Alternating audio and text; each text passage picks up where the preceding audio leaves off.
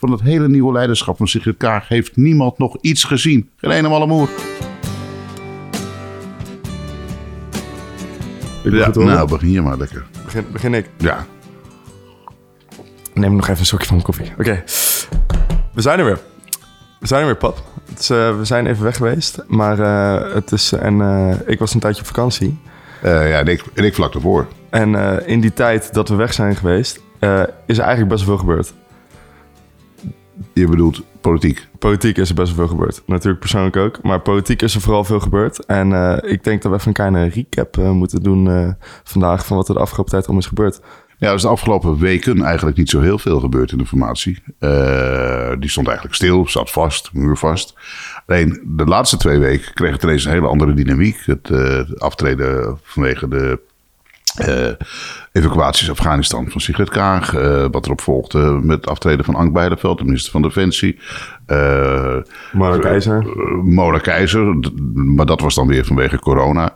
Maar ondertussen ontstond er ook gedoe tussen CDA en D66. eh, wantrouwen. Hoe kan Sigrid Kaag dat nou op deze manier doen? Waarom heeft ze ons niet verteld, of Ank Bijleveld niet verteld...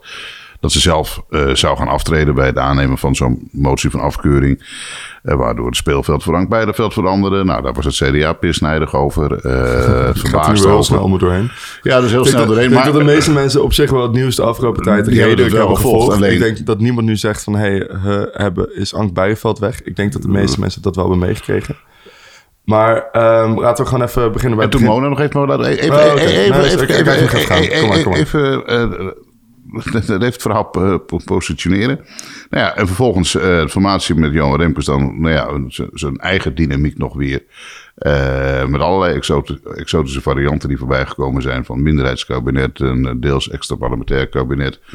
eh, een zespartijen kabinet. Nou, het is nu terug naar de huidige coalitie, zeg maar.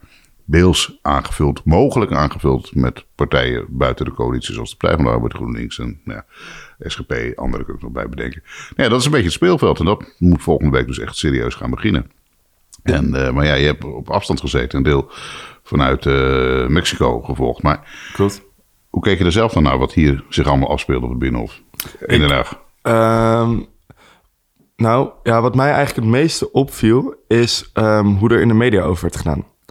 En dan vond ik daarbij het, eh, de, de, het moment met de speech van Kaag... vond ik daar eigenlijk het meest eh, typerende voorbeeld van. Want zij had toen voor Elsevier had zij toen een lezing gedaan van een uur, Ja, mij. de Haaien schoollezing. Ja. Ja.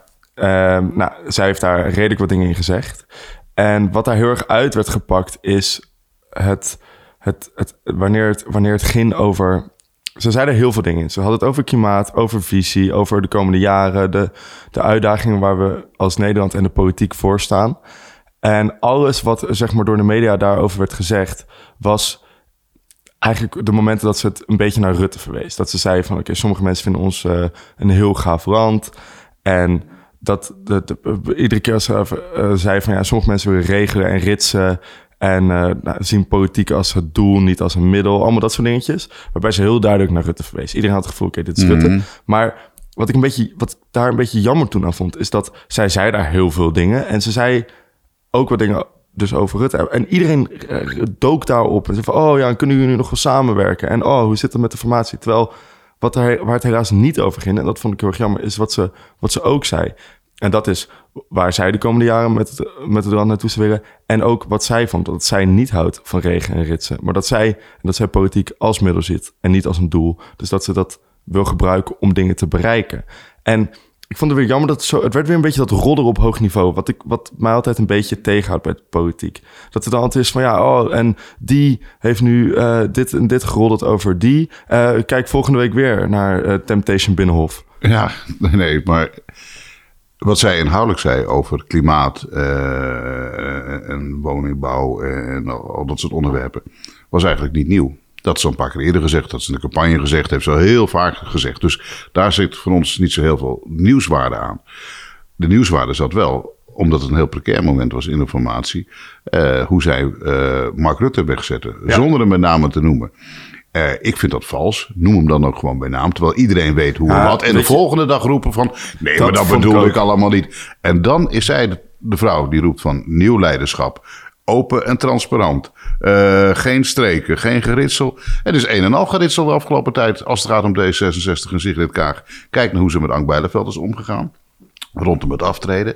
Hoe, bedoel je? Kijk, nou ja, dat ze, doordat zij uh, niet van dat ze Mark Rutte had ingelicht als enige van ik ga straks aftreden, doe ja. de Kamer als die motie wordt aangenomen. Maar dan mag je tegen niemand zeggen, ook niet tegen de collega's, niet tegen Ank Bijleveld, die ineens in een heel ander pakket kwam te zitten, en ook niet tegen de VVD-fractie. Dus het kwam voor iedereen als een verrassing in die coalitie. En als je in een team werkt uh, dan hoor je dat soort dingen met elkaar te delen. Van oké, als dit nou gebeurt met deze motie, dan ga ik in ieder geval aftreden. Weet ik dat ga doen, dan kan jij, goed, moet je eigen conclusies maar trekken wat je wilt. Uh, maar je moet iemand daar niet mee overvallen. Die net van tevoren heeft gezegd van nou ja, uh, ik ben, ben van plan te blijven zitten. Waardoor speelveld eh, voor iemand als Bijleveld in dit geval. En eens totaal veranderen. Ja, het is de ene streek naar de andere. En dan denk ik van ja, je hebt zulke mooie zalvende verhalen. En je hangt de Heilige Maria uit op het binnenhof. Maar ondertussen, jij bent degene die iedere keer iedereen loopt te schofferen. Nou, het was ook nog eens een keer even lekker met uh, haar spindokters over Johan Remkes, de informateur. Dat hij een borreltje te veel op zou hebben. Ik denk, hallo, heb ik jij... ook niet meegekregen. Nou ja, nou ja, dat, de, de uh, op een gegeven moment in de formatie afgelopen week uh, was het uh, even vrij ingewikkeld. En Johan Remkes die stelde wat limieten. kwam naar buiten. Nou ja, ik heb de fracties gelegenheid gegeven om. Ik kom met misschien nog een paar aantal creatieve oplossingen. Woensdag praten we verder, want dat was op maandagavond. Er zat een dinsdag tussen met andere dingen. Woensdag praten we verder. En toen uh, de, de, de mensen van de eh, D66-fractie, mensen om zich elkaar heen, die zeiden ja, de, de, informateur was wat warrig en had misschien ook wat borreltjes te veel op. Nou, daardoor zetten ze Johan Remkes ineens op een hele lelijke manier weg. Vervolgens moest dat ook weer gecorrigeerd worden en teruggenomen worden. En het is van het ene trucje naar het andere lopen en tegelijkertijd roepen van ja, maar wij zijn zo transparant, nieuw leiderschap. Van het hele nieuwe leiderschap van Sigrid Kaag heeft niemand nog iets gezien. Geen ene malle moer. Nou, wat, wat ik hier heel lastig aan vind, is dat het, uh, de ik snap dit soort praktijken heel goed in verkiezingstijd. Want dan moet je inderdaad de stemmen winnen. En dan mag je, ik zeg het even tussen aanhalingstekens, uh, in principe je, je, wat normaal gesproken je samenwerkingspartner is, in dit geval Mark Rutte, mag je dan een beetje negatief wegzetten, want jij wil stemmen hebben van hem en hij doet datzelfde bij jou. Dat is een soort van afgesproken van ondanks dat we goed kunnen samenwerken, ga ik nu wel zeggen wat ik niet oké ja, vind. Of het dan onder de gordel moet, zoals dat in Amerika gaat. Nee, ja, kijk, natuurlijk, dat liever niet. In Nederland doen we dat in principe vaak nog wel, vind ik, vrij netjes. Maar dat doe je tijdens verkiezingen. En dan beslist de kiezer. En vervolgens ga je weer proberen te samenwerken, ondanks die verschillen die je daarvoor hebt benoemd. En het rare is dat uh, Kaag, uh, maar ook anderen, uh, nu tijdens de formatie eigenlijk datzelfde nog een beetje zijn gaan doorvoeren. Dat ze die verschillen heel erg zijn uh, gaan laten zien, heel erg uh, kritiek hebben op het rijderschap. Wat ik ook snap als je daarin gelooft. Alleen je moet wel ook inderdaad samenwerken met die mensen. En wat natuurlijk bij Kaag ook een beetje het rare is, is dat zij had, terug in april, had zij de mogelijkheid om Rutte letterlijk weg te stemmen als zij wilde. Bij, maar toen hebben CDA en D66 hebben dat, daar niet voor gestemd. Zij had de mogelijkheid om uh, met die motie van wantrouwen... om Rutte gewoon weg te krijgen. Alleen dat heeft ze niet gedaan. En daarna is het wel een soort van in de, ja, de, in de publieke opinie, in het nieuws en zo gaan spelen. Door dat soort uitspraken te doen. Terwijl de kiezer kan er dan al niet meer over beslissen. De verkiezingen zijn geweest. Het, jij had zelf de macht, maar je had het toen, hebt het toen niet gedaan. En dat, ik heb House of Cards gekeken. En ik snap dat je nooit natuurlijk wil, gepakt wil worden met het geweer in je handen. Dat wanneer zij Rutte had afgeschoten, dan was het heel duidelijk, Kaag heeft hem afgeschoten. Ja, kijk, kijk, maar daarna is er alsnog daar een beetje mee doorgegaan, zonder dat dat überhaupt effect kon hebben. Uh, Rutte die zelf uh, aan stemmen meer had dan heel D66 bij elkaar. Dus uh, iedereen vergeet dat ook iedere keer een beetje. Dat Mark Rutte blijkbaar onder een heel groot deel van Nederland nog steeds heel erg populair is. En in ieder geval bij de verkiezing heel veel steun gekregen heeft. Maar ja, Sigrid Kaag zit inderdaad, wat jij ook zegt, nog steeds in een soort campagnemodus. En, maar loopt ook met een hele andere houding, attitude op dat Binnenhof rond. Uh, als Sigrid Kaag zegt in een debat, ja, ik, als het gaat over vertrouwen, ja, ik vertrouw alleen mijn man en mijn kinderen. Verder niemand, verder is het zakelijk. Dan denk ik, holy moly, als je met mensen samenwerkt, dan moet je ze wel vertrouwen op een bepaald moment. Als ik mijn collega's niet zou vertrouwen, ik zeg, nou, vertrouw alleen uh, mijn vriendin en mijn zonen. Ja, Mijn collega's, als die mij informatie geven en die ik gebruik, dan moet ik op hun kunnen vertrouwen. Als je bij de brandweer werkt, dan moet je je collega kunnen vertrouwen. Als jij dat brandende huis ingaat, die achter je loopt. Met de politie, idem met een sterretje. En als je dan een soort houding hebt ja, maar ik vertrouw hier eigenlijk helemaal niemand. Ik vertrouw alleen mijn man en mijn kinderen. Dan denk ik, wat ben je nou wonderlijk aan? Hoe, hoe leef jij op dat binnenhof? Hoe wil jij politiek bedrijven als je niemand vertrouwt? Ja, maar ja, zij heeft wel, en dat vind ik wel weer leuk aan. Zij heeft een hekel aan waar ik ook een hekel aan heb. En dat is dus dat hele van, hey, hey, ho, hey. En dan even een kopje op het schouder. En uh, ja, ik vind het een goed verhaal van je, maar we kijken er uh, volgende keer wel naar of we er wat mee gaan doen. Dat koffiedrinkcultuurtje dat er een beetje hangt dat regelen en ritselen. Wat ze zei. En ik vind dat, ik heb daar zelf ook een beetje een hekel aan. Want het zorgt ervoor dat er geen grote stappen worden gemaakt. En in dat opzicht, dat, dat van, ja, ik ben hier niet om vrienden te maken. Ik ben hier om uh, goed bereid voor elkaar te krijgen. Ja, daar hou ik eigenlijk best wel van, van die instelling. Ja, maar dat je wel moet ja, maar, maar, maar, als je dan kijkt, maar als je dan kijkt naar Sigrid Kaag, ik bedoel, het was een topdiplomaat hoor, vroeger, uh, zonder enige twijfel. Maar als politicus, wat heeft ze nou bereikt? Ze was vrij stilzwijgend, hoor ik van iedereen in de ministerraad. Ze heeft zich niet echt met grote inhoudelijke discussies bemoeid. Ze heeft, nou, haar ministerschap is nou niet eentje geweest waarvan je zegt... jongen, jongen, jongen, dat, dat schoot er even uit met grote beleidsstappen op onderwerpen... of weet ik wat allemaal. Ja, had ze kwam ook misschien naar portefeuille, portefeuille uh, voor. Ja, maar, uh, maar ze heeft zich ook niet in die zin onderscheiden de afgelopen jaren... met visie en grote verhalen of weet ik wat allemaal. ik weet niet. We, we, we, eh, praten nu wel over de natuurlijk. Hè? We het is wel, wel gewoon... Want het is de leider van D66. Ja, ja, maar ja, dat, het is wel gewoon de meest besproken vrouw in Nederland op dit moment. En dan doet ze toch blijkbaar iets waardoor ze opvalt. Want vorig Vroeger was uh, nou, de PVV de tweede partij. En toen hadden we het ook wel vaak over Wilders, maar in een hele andere context. Klopt. Uh, maar het feit dat je heel erg opvalt op een bepaald moment... wil niet zeggen dat, het heel, dat je dan ook... Dat het heel, ja, heel erg positief, positief, is. Ja, Want ik ken heel veel vrouwen in Nederland die op een gegeven moment heel erg opvielen, maar het was niet altijd even leuk. Maar uh, een geen voorbeelden. Geen, geen voorbeelden. Nee. Uh, maar Sigrid Kaag, ja, nou ja, is nu ja, moet die partij leiden. Maar ik ben heel benieuwd wat ze nou de komende tijd gaat doen. En het is ook nog niet gezegd dat het allemaal gaat lukken. Uh, het is een laatste ultieme poging. En als die niet lukt, nou ja, dan botsen we misschien toch nog een keer tegen nieuwe verkiezingen aan. Terwijl eigenlijk niemand dat wil op dit moment. En ik denk, als je nou kijkt naar de strapatsen van de afgelopen week, van, van alle hoofdrolspelers. Uh, ik denk dat Sigrid Kaag uh, qua populariteit heel hard uh, aan het dalen is op dit moment. Denk je dat? Denk ik wel, ja. Ik denk dat Rutte gelijk Misschien niet onder haar uh, directe eigen achterban. Uh, die vinden het allemaal prima. Maar zeg maar, dat wat er omheen zit en mogelijk D66 zou willen stemmen... die knappen op dit moment af. Oké, okay, interessant. interessant. Uh, maar wat denk jij? Denk je dat dit gaat slagen met ChristenUnie, CDA, D66? Het is weer lekker typisch. VVD uiteraard. Het is lekker typisch. We zijn super lang aan het formateren. en wat komt er uiteindelijk uit? Exact het zo. For, sorry, formeren. Het is geen computerschrijven. nee, nee, nee, we zijn super aan het formeren. En wat komt er uiteindelijk uit? Precies wat we hadden. Het is weer heel Nederlands. En ja, dus we hebben gewoon niks. een half jaar zitten nou, kuttenkoppen met z'n allen. Om nou, zo eens keer te zeggen. ook. De helft is tijd zitten verspelen. Omdat met, met, met informateurs die... die, die, die uh, nou ja, Cenk Willink had een andere rol uh, op dat moment. En die moest de boel samenbrengen. Maar Hamer durfde niet echt knopen door te hakken. Van jongens, nou wil ik vanavond horen hoe het zit. Nee. En wat gaan we doen? En willen jullie echt samen ja of nee? En iedere keer was het over langs de lijnen van de inhoud. Nou, het ging helemaal niet over die inhoud. Het ging alleen maar over jij wil niet met mij en ik wil niet met jou. D66 heeft de ChristenUnie, waar de coalitie heeft bij de verkiezingen gewonnen. Heel veel mensen vragen zich af, hoe kan het nou uh, afgetreden vanwege de toeslagenaffaire... en nu gaat diezelfde coalitie weer verder. Ja, die coalitie heeft bij de verkiezingen wel stemmen gewonnen ten opzichte van vorige keer. Dus ja, dat is dan ook democratie. Maar goed, D66 heeft de ChristenUnie meteen... Uh, achter de, de, de rode dendron uh, gegooid. En, uh, bij de, uh, en ruw opzij gezet van met jullie willen we niet meer. vergeleken met een roestige auto.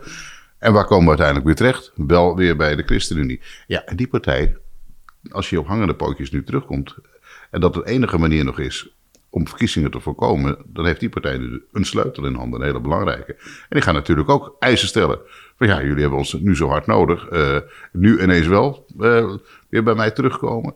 En dan ga je eisen stellen. Terwijl D66 op haar beurt uh, moet laten zien uh, aan de eigen achterban waarom ze die draai gemaakt hebben en wat ze daarvoor terugkrijgen. Dus die moeten ook dingen verdienen, want die hebben politiek natuurlijk een U-turn gemaakt van hier tot yesterday. Nou, die heeft dan eisen, medisch-ethisch vlak, uh, onderwijs, artikel 23, modernisering, vrijheid van onderwijs.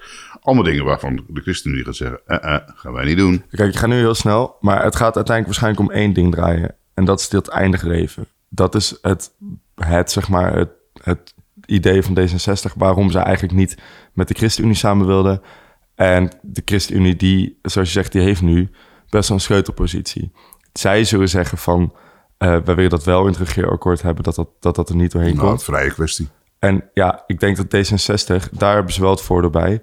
Zij kunnen zeggen, we kunnen dit aan de Kamer overlaten, want nieuwe bestuurscultuur en dat uh, dun regeerakkoord, dat is wel in hun voordeel. Dat zij kunnen zeggen, we laten dit gewoon aan de Kamer.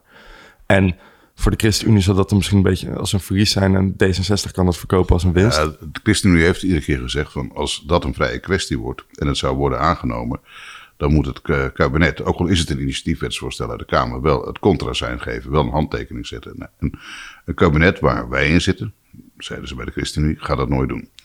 Maar ze hoeven zich niet zoveel zorgen te maken, want er is helemaal geen meerderheid voor. Dus is dat zo? Nee, er is helemaal geen meerderheid voor. Hmm. Dus uh, het gaat er waarschijnlijk helemaal niet aan. Maar dat, als ze dat doen en er is geen meerderheid voor, als ze daar vast even naar, naar kijken of dat waar is. Kan wel ooit dan komen, kunnen ze het meerderheid, allebei verkopen. Dan komt het namelijk niet doorheen. ChristenUnie brei. Uh, D66 zegt, oh, nieuw bestuurscultuur, we laten het aan de Kamer uh, Ja. aanhang van D66 bij. Ja, dus op kan. die manier zullen Maar voorlopig is het nog geen vrije kwestie. Ja. Maar verder, Vind ik wel het beste trouwens hoor, om dit soort medische, denk ethische het vraagstukken op te lossen. Eh, los van partijendiscipline. Want het loopt door partijen heen. Ik ken mensen binnen de VVD die zijn erop tegen. Maar ook mensen binnen de VVD die zijn erop voor. Binnen het CDA exact hetzelfde. Eh, dus laat het maar gewoon aan de Kamer zelf over. Dit, dat iedereen nou eerder geweten, maar zelf. maar dit soort dingen beslist. hoef je ook niet di- dicht te timmeren in een regeerakkoord. Het zou best wel raar zijn als je überhaupt nou ja, dat zegt van we gaan dat niet als vrije kwestie eh, neerzetten. Dat zou al helemaal raar zijn. Dat je al afspreekt dat je iets tegen gaat houden in plaats van dat je een wet doorvoert. En het is, ook een kleine wet natuurlijk. Het is niet een vijfjarenplan of iets. Maar het is wel vrij ingrijpend. Ja, tuurlijk. Het is vrij ingrijpend voor, voor Nederland als eh, progressief land of niet. En het is vrij ingrijpend voor de mensen die er zit op zo'n wet voor, wetsvoorstel zitten te wachten. Want er zijn natuurlijk gewoon mensen van 75 plus die heel erg hopen dat het doorgaat. Nou, dat mag het ook niet hoor. Je moet, je moet wel ietsje ouder zijn. Volgens mij 75 plus was het eerste Volgens mij was het instantie. 75, maar... 75 plus, toch? 75. Ja, dat zei ik. Ja, oké. Nou, misschien niet heel duidelijk. 75, 75, 75 ja. en dan een plus. Eh, anyway, er zitten natuurlijk mensen... eh, er zijn natuurlijk mensen van die leeftijd die denken... laat het alsjeblieft er doorheen komen. Dan kan ik ermee kappen. Denk overigens wel dat er geen mensen zijn die denken... laat het alsjeblieft er niet Best, doorheen komen ja. met een eigen belang. percentage mensen eh, schijnt het niet zo heel hoog te zijn. hoor. Het gaat niet om een hele grote groep in Nederland. Ja, maar maar, goed, ik, ik, ik, vind dat iedereen die vrijheid mag hebben. Dus ik vind het allemaal prima. Eh, alleen als je kijkt naar het politieke speelveld.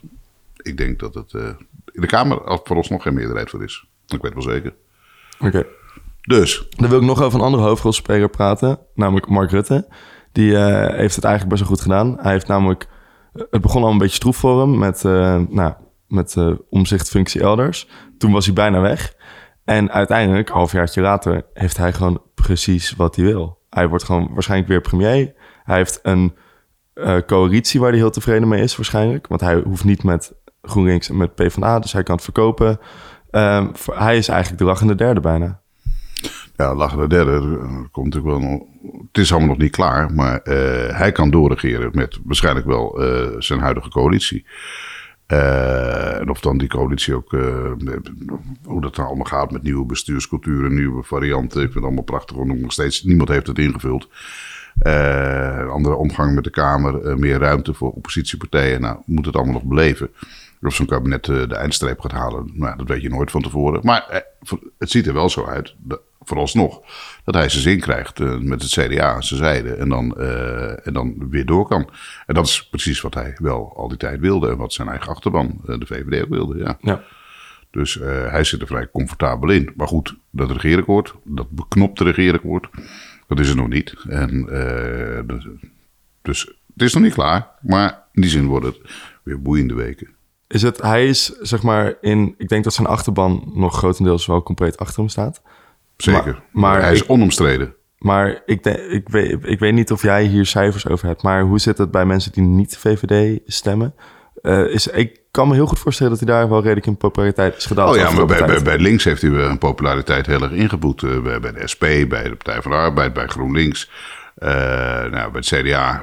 de CDA's die, die, die, die, die, die die, die steunen hem deels nog. Maar ja, alles wat achter omzicht staat binnen het CDA, ja, dat is minder gecharmeerd van Mark Rutte. Ja, er lagen ook moties voor op het congres van niet meer regeren met Mark Rutte als, perso- als persoon. Eh nou, D66, daar zit wat spanning. En, maar als je ach, over heel Nederland heen kijkt, eh, dan scoort Mark Rutte eigenlijk voor een premier die al zo lang zit, eigenlijk nog behoorlijk goed. Ja, is dat echt zo? Ook nu Ja. gewoon na, nou ja, na de zomer met al, al die persoonlijke kwesties. Met Ja, maar de, toeslagen, corona. de toeslagenaffaire, ik bedoel, het kabinet is eh, collectief afgetreden om eh verantwoord laten zien, er zijn bij de overheid heel veel dingen fout gegaan. En wij nemen de collectieve verantwoordelijkheid op, op ons, eh, los van schuldvragen en zo. Eh, en daar moet ook nog een heleboel gebeuren. Maar hij, hij won gewoon bij de verkiezingen. En, de coalitie won ook gewoon weer bij de verkiezingen. Maar er zijn ook heel veel mensen in Nederland. Die toeslagenaffaire was verschrikkelijk, was ingrijpend. Maar er zijn heel veel mensen. Interesseert het helemaal niks. Die het helemaal niet raakt. Die denken, nou wat een gezeur allemaal. Eh, die, die zijn er helemaal niet mee, be- die zijn er niet mee bezig. Zoals de gedupeerden zelf daar nog constant mee bezig zijn. De, de eh, effect of life bijna. Gewoon omdat ze er van dag tot dag mee geconfronteerd worden. Maar dat zijn niet genoeg stemmers. Alleen het is best wel raar natuurlijk dat PvdA... Die hebben uh, Asher is, eh, Asher is Opgeofferd. Ja, opgeofferd, hoe je Hadden dat ze zeggen? nooit moeten doen. Maar- En, en zij hebben verloren. Zij hebben zeg maar heel veel verantwoordelijkheid Ja. genomen voor dat hele, de hele toeslagenaffaire. Rutte, die eh, zei, nou, niet mijn fout, ik blijf. En hij heeft gewonnen. Ja. Nou ja, het ging met de Partij van de Arbeid sowieso lang niet goed in die peilingen. Eh, stond toch heel laag. En eh, had vorige keer natuurlijk ook niet zo heel veel stemmen. Had natuurlijk een enorm verlies geleden in 2017 al. Eh nou ja, eh Asscher, die ging toch, nee, die nam wel de verantwoordelijkheid. Nou en, maar ook Lilian Ploemen kon die partij niet uit de dal trekken. Dus het heeft daar niet geholpen. En Asscher had volgens mij veel beter kunnen blijven. Alleen dat gaf weer gedoe in eigen kring en in de eigen partij. En dat is altijd vervelend als het gaat, rommelen, eh, en schuren en borrelen in je eigen partij. En mensen moties tegen je gaan indienen en er discussies over de, de lijsttrekker komen. Eh, maar achteraf hadden ze die man gewoon moeten laten zitten. Dan had hij het waarschijnlijk veel beter gedaan dan eh, Ploemen tot op dit moment. Even over de PvdA meteen. Ehm, kijk, zij hebben natuurlijk zichzelf heel erg eh, vastgekrampt aan GroenLinks. Dat eh, heeft, denk ik, niet in hun voordeel gewerkt. En ook niet in het voordeel van GroenLinks. Want uiteindelijk wordt het weer ChristenUnie. Denk je dat dat, nou, als ze dat niet hadden gedaan, dat, het, dat ze dan wel hadden kunnen meeregeren? Dan had denk ik wel een van deze twee partijen mee kunnen regeren. En eh, misschien D66, misschien de Partij van de Arbeid. Alleen, Eh, ja, GroenLinks of Partij van de Arbeid? Sorry, GroenLinks en, eh, of de Partij van de Arbeid. Maar ja, die hebben gezegd: oké, we we doen het of samen of we doen het niet. En, eh, en er waren best mogelijkheden geweest als zij echt serieus werk hadden gemaakt van een aanstaande fusie als doel. Dan hadden het CDA en de VVD het nog wel mee in willen stemmen. Dan was het Alleen eigenlijk één dat- partij natuurlijk. Maar, maar het, het, één werd- was niet helder of het één partij zou Ja. worden. En of ze daar naartoe wilden werken. Ja, misschien even in woord. En dan over drie maanden, eh, als ze in het kabinet zitten roepen van... nou, toch maar niet. En vergeet ook niet, de achterban van de, ChristenUnie, of van de GroenLinks... is een totaal andere wereld dan de wereld van Mhm. de, klassieke, de klassieke wereld van de Partij van de Arbeid. Als je gaat naar de Partij van de Arbeid, ik noem maar iets in eh, Veendam, Muntendam... Nou, dit is echt een hele andere wereld dan, zijn geen eh, veganisten. dan GroenLinks eh, in Amsterdam, precies. Nee, dat zijn geen veganismen. Dat zijn mensen die gaan voor de kiloknaller. Oké, maar jij, eh, denk je dat ze dat wel ooit nog zullen gaan doen in de toekomst? Of denk je dat het nu überhaupt van de baan is? Ik denk, maar dat is een heel, heel Dat proces wat je in moet. En, en ik denk dat als links in de toekomst nog wat wil, dat het veel beter zou zijn als ze zich zouden organiseren en meer samen zouden gaan. En eh, goed, SP is een andere wereld dan de Partij van de Arbeid. En de Partij van de Arbeid is weer een andere wereld dan eh, GroenLinks. Maar er zitten ook weer heel veel mensen in die prima samen kunnen gaan. Als je samen echt een groot links blok zou kunnen vormen, eh, dan ben je in ieder geval een tegenkrachtmacht Ten opzichte van de VVD, nu al een tijd lang de grootste partij is. Nou, het CDA ligt eh, als een eh lamgeslagen bokser eh, op dit moment ook nog in de hoek. Dus daar is vooralsnog ook niet heel veel van te verwachten. Dus ja, organiseer je dan op links dat je in ieder geval een groter blok wordt dan die andere. Even kijken, hoeveel stemmen hebben zij bij elkaar? Stel je voor dat zou ooit een ding worden. SP, PvdA en GroenLinks. Dan kom je volgens mij op iets van rond de 26 of zo. Nou, dan zit je eh, nog op, op nog geen 30. Maar dan zou je misschien rond de 30 kunnen gaan zitten. Nou ja, dan doe je weer behoorlijk Ja, mee. oké. maar dan ben je eigenlijk even groot als dat... Net om en nabij even groot als dat D66 nu is. D66 nou een stukje kleiner, 24. Ja, die is 24, maar dan zeg je... Ik weet niet wat de volgende verkiezingen Nee, maar dan, zou je als één groot li- linkse partij ertussen kunnen wringen. Ja. Alleen, de agenda van, van, van. Kijk, de Partij van de Arbeid heeft natuurlijk ook helemaal over klimaat. En die willen daar ook van alles en nog wat mee. Maar GroenLinks loopt daar wil nog veel sneller in dan Ja. zeg maar, het klassieke lid van de Partij van de Arbeid. In die achterstandswijk. Die, die, ja, die wil natuurlijk wel dat huis geïsoleerd hebben. Maar ja, die heeft er geen geld voor. En die wil er allemaal niet op de kosten, op kosten En, gejaagd en die gaat voor de kiloknaller. Want en die, gaat voor de kosten kiloknaller. En, en niet, de en- en- en- omdat die mensen gewoon niet meer hebben. Dat is ook heel begrijpelijk dat die mensen dat eh, op die manier doen. En dat is zeg maar een deel van de klassieke Partij van de Arbeid achterban. En niet, ook weer niet allemaal.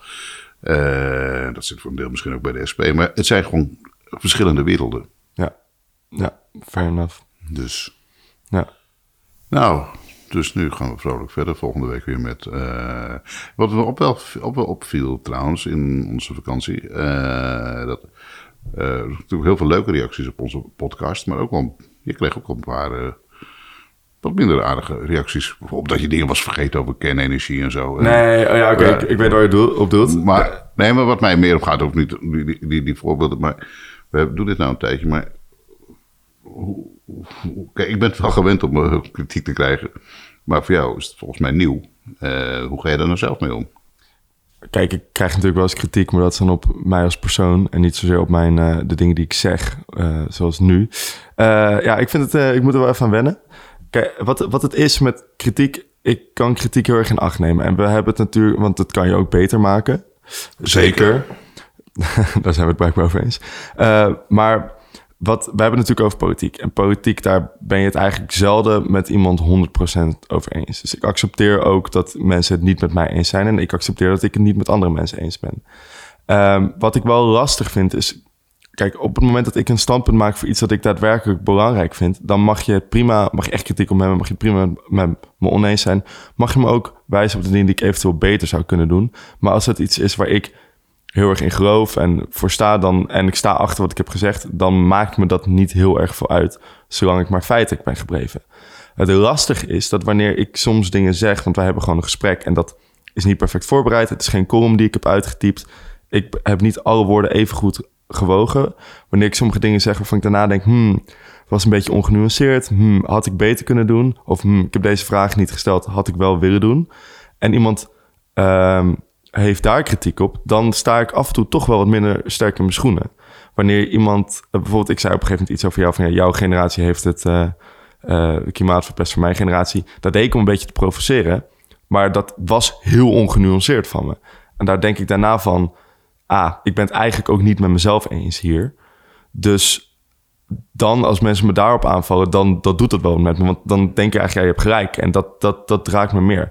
Als iemand het, als iemand bijvoorbeeld zegt over, ja, waarom heb je het niet met eh, met een hoogleraar klimaat gehad over kernenergie? Dan denk ik, nou ja, omdat kernenergie eh, niet kosteneffectief is. Dus heel simpel kan je hoef je het daar niet echt over te hebben. Dat, dat zeg maar argumenten heel makkelijk weg te zetten zijn in mijn hoofd. Dan dat maakt me niet heel erg uit. Kernenergie. Ja, maar wat het, wat het verschil is met wind- en zonne-energie... is dat eh, als investeerders is zijn zonne- en windenergie... daar krijg je gewoon winst uit. Dat is nu zo... De kosten zijn zo laag en de opbrengsten zijn hoger. Dus op de lange termijn is dat een goede investering. Kernenergie zal altijd een verliesmakende investering zijn. Maakt niet uit dat het inderdaad schoon is... en dat, dat het prima... En dat het neemt zo, en dan neemt Ja, maar niet zoveel ruimte in als al die... eh, Nee, maar je zou, je zou het prima bij kunnen doen. Maar uiteindelijk wil je natuurlijk dat het markt Oh, laten we het niet over energie hebben nu, maar het Maar dat, eh, over voor de persoon die dat heeft gezegd, dat is het antwoord. Ja, maar vind je niet vervelend? Ik, ik kan er wel mee dieren, maar op het moment dat ik het niet met mezelf eens ben... en dan zijn mensen die het met me eens, dat, dat raakt me meer. Want dan, dan weet ik dat ik een fout heb gemaakt. En het, het is prima als mensen het niet met me eens zijn. Als ik, als het, Dat zo als las ik ook van mijn eh, idealen. oh, iets een reactie op jou van ja, lekker, eh, lekker ouwe hoer over klimaat, maar wel eh, op vakantie gaan naar Mexico met het vliegtuig. Ja, dat kan ik ook prima weer leggen. Dat is, ik, ik snap het heel goed. En die persoon heeft ook gewoon gelijk. Alleen dat waar ik vind dat we gewoon een keer mee moeten kappen, is dat we naar het individu moeten wijzen om het klimaatprobleem op te lossen. We moeten daarvoor wijzen naar staten, want het is een externaliteit, een marktfalen. En het is de opdracht van de staat om daarop in te spelen. En in dit geval is het redelijk lastig, want het is niet alleen de Nederlandse staat die daarmee moet dienen, maar iedere staat. Dus ook bij dat soort, als mensen dat soort dingen zeggen, denk ik van ja, je hebt een goed punt en ik wil er best over met je in discussie, maar ik vind nog steeds wel dat ik gelijk heb. En dan dat soort kritiek doet me minder. Als het eh, kritiek is waarbij ik denk van ja, eh, daar heb je gelijk. Bijvoorbeeld mensen die me eikel noemen omdat ik heb voorgedrongen. Dat doet me toch iets meer. Omdat ik denk, ja, ik ben ook wel een eikel. En dan, dan denk ik, ja, je hebt, je hebt echt gewoon een goed punt. En dat, dat ja, ik, ik, het, is, het is wel, je wordt er wel harder van. En dat is wel positief, denk ik ook gedeeltelijk. Ga je volgende week doen? Uh, ik heb tentamens. Ah, Ja, nou, we moeten volgende week wel even een nieuwe opnemen. dat gaan we sowieso doen. Vanaf nu zijn we er weer, toch? Nu zijn we er weer. En eh, wij gaan vanavond naar James Bond, nieuwe film. Veel plezier. Eh, ja, nee, de, de eerste James Bond film moet je in de bioscoop zien. deden wij vroeger ook altijd, toch? Eh, de eerste keer als hij Nee, ik ga inderdaad met, eh, met eh, mijn broer en mijn moeder. Ja, Dat eh, ja, nou, ja, standaard. ja, ja, ja, vroeger ging ik dan ook nog mee, ja. Maar goed, dat is weer een ander verhaal. Oké, ehm, wanneer gaan jullie? Geen idee, Oh, pap. Maakt niet uit. We, gaan nu weer over onzin lullen. Dit was ja, ons- we, gaan, er weer mee stoppen. Volgende week zijn we er weer. Ja, hoi. Nou, we hadden het net over kritiek. Nou, we kunnen het hebben hoor. Maar eh, we vinden het natuurlijk leuk om te weten van, eh, ja, hoe jij kijkt naar onze podcast. Luistert moet ik zeggen, want het is natuurlijk radioachtig. Eh je kunt ons niet zien. Nou, heb je opmerkingen, aanbevelingen, dingen waarvan je zegt... nou, bespreek dat een keertje. Laat het lekker in, achter in Apple Podcast.